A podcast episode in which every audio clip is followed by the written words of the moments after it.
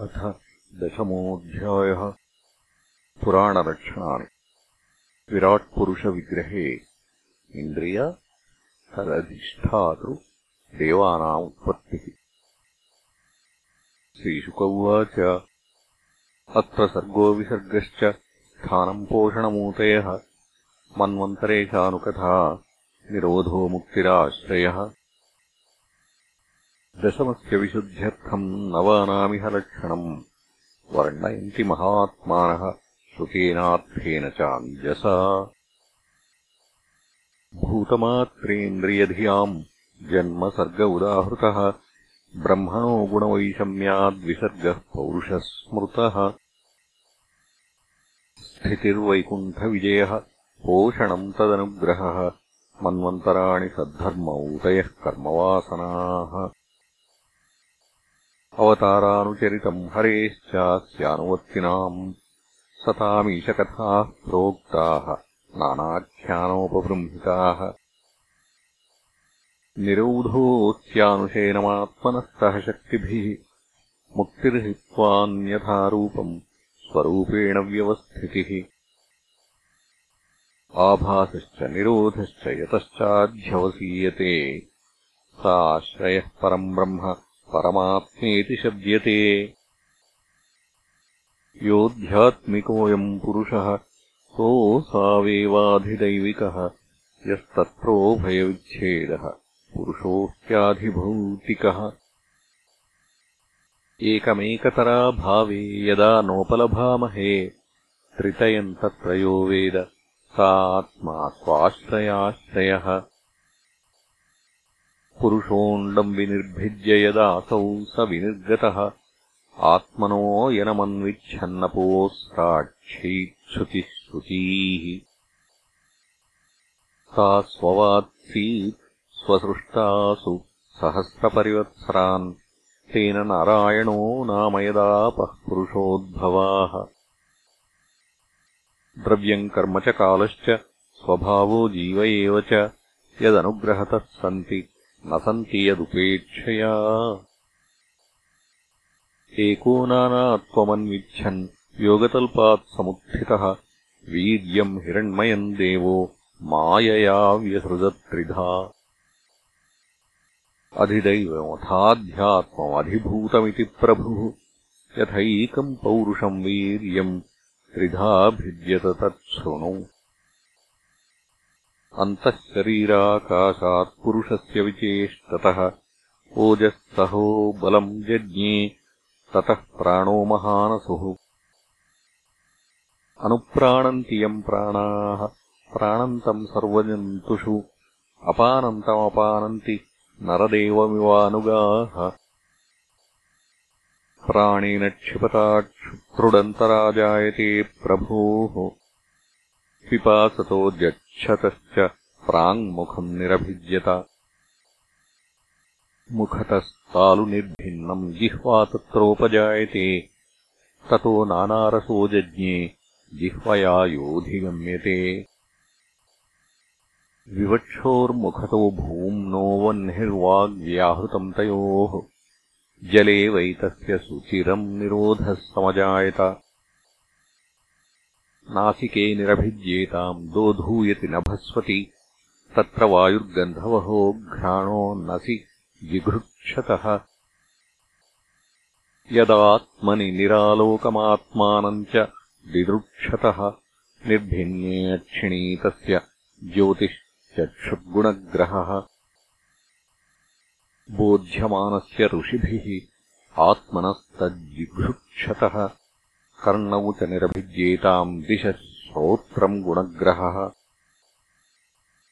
वस्तुनो मृदुकाठिन्यलघुगुर्वोष्णशीतताम् जिघृक्षतस्त्वम् निर्भिन्ना तस्याम् रोममहीरुहाः तत्र च अन्तर्बहिर्वातस्त्वचा लब्धगुणोऽवृतः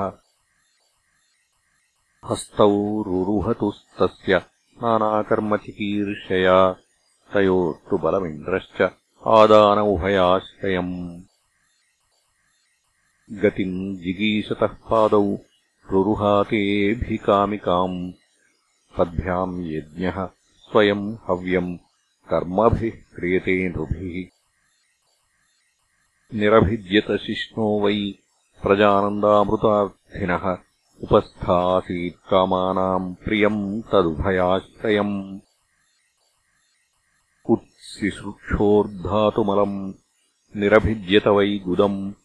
ततः पायुस्ततो मित्र उत्सर्ग उभयाश्रयः आसिसृत्सोः पुरः पूर्यानाभिद्वारमपानतः। तत्रापानस्ततो मृत्युः। पृथक्त्वमुभयाश्रयम्। आधित्सोरन्नपानानामासन् कुक्ष्यन्त्रनाडयः। नद्यः समुद्राश्च तयोः तुष्टिः पुष्टिस्तदाश्रये।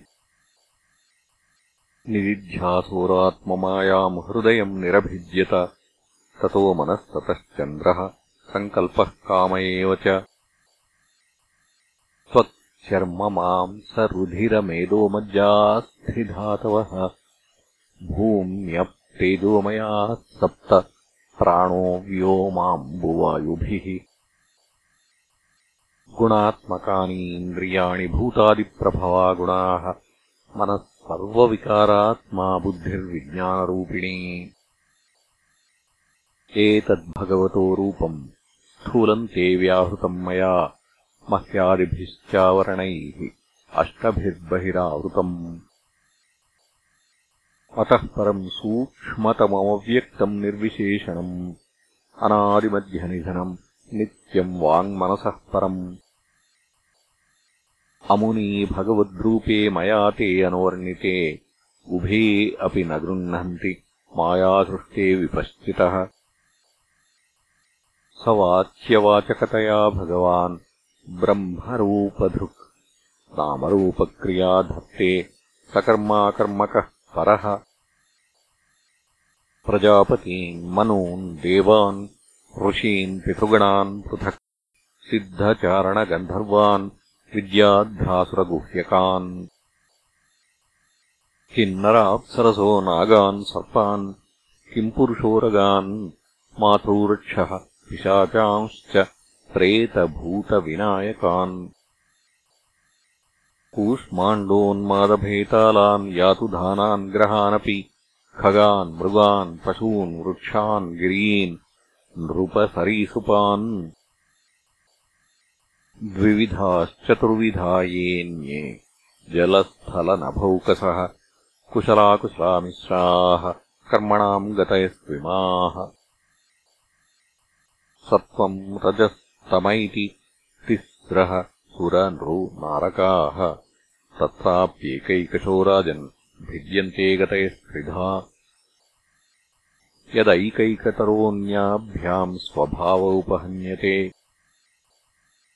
स एवेदम् जगद्भ्राता भगवान् धर्मरूपधृक् पुष्णातिस्थापयन् विश्वम् तिर्यम् नर सुरादिभिः। ततः कालाग्निरुद्रात्मा यत्सृष्टमिदमात्मनः सन्नियच्छति कालेन घनानीकमिवानिलः। इत्थम् भावेन कथितो भगवान् भगवत्तमः नेत्थम् भावेन हि परम् द्रष्टुमर्हन्ति सूरयः नास्त्यकर्मणि जन्मादौ परस्यानुविधीयते। कर्तृत्वप्रतिषेधार्थम् मायया आरोपितम् हि तत्। अयम् तु ब्रह्मणः कल्पः। सविकल्प उदाहृतः। विधिः साधारणो यत्र सर्गाः प्राकृतवैकृताः। परिमाणम् च कालस्य कल्पलक्षणविग्रहम्। यथा पुरस्ताद्व्याख्यास्ये पाद्मम् कल्पमथो शृणु। शौनक उवाच यदाह नो भवान् सूतक्षत्रा भागवतोत्तमः चचारतीर्थानि भुवस्त्यक्त्वा बन्धून् सुदुस्त्यजान्।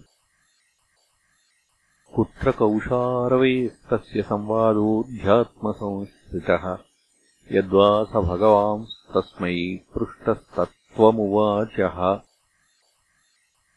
ब्रूहि नस्तदिदम् सौम्यविदुरस्य विचेष्टितम् बन्धुत्यागनिमित्तम् च तथैवागतवान् पुनः। सूत उवाच परीक्षिता पृष्टो यदवोचन्महामुनिः तद्वोऽभिधास्ये शृणुत राज्ञः प्रश्नानुसारतः। इति श्रीमद्भागवते महापुराणे वैयास्याम् अष्टादशसहस्रिकायाम् पारमहंस्याम् संहितायाम् द्वितीयस्कन्धे पुरुषसंस्थानवर्णनम् नाम दशमोऽध्यायः इति द्वितीयस्कन्धः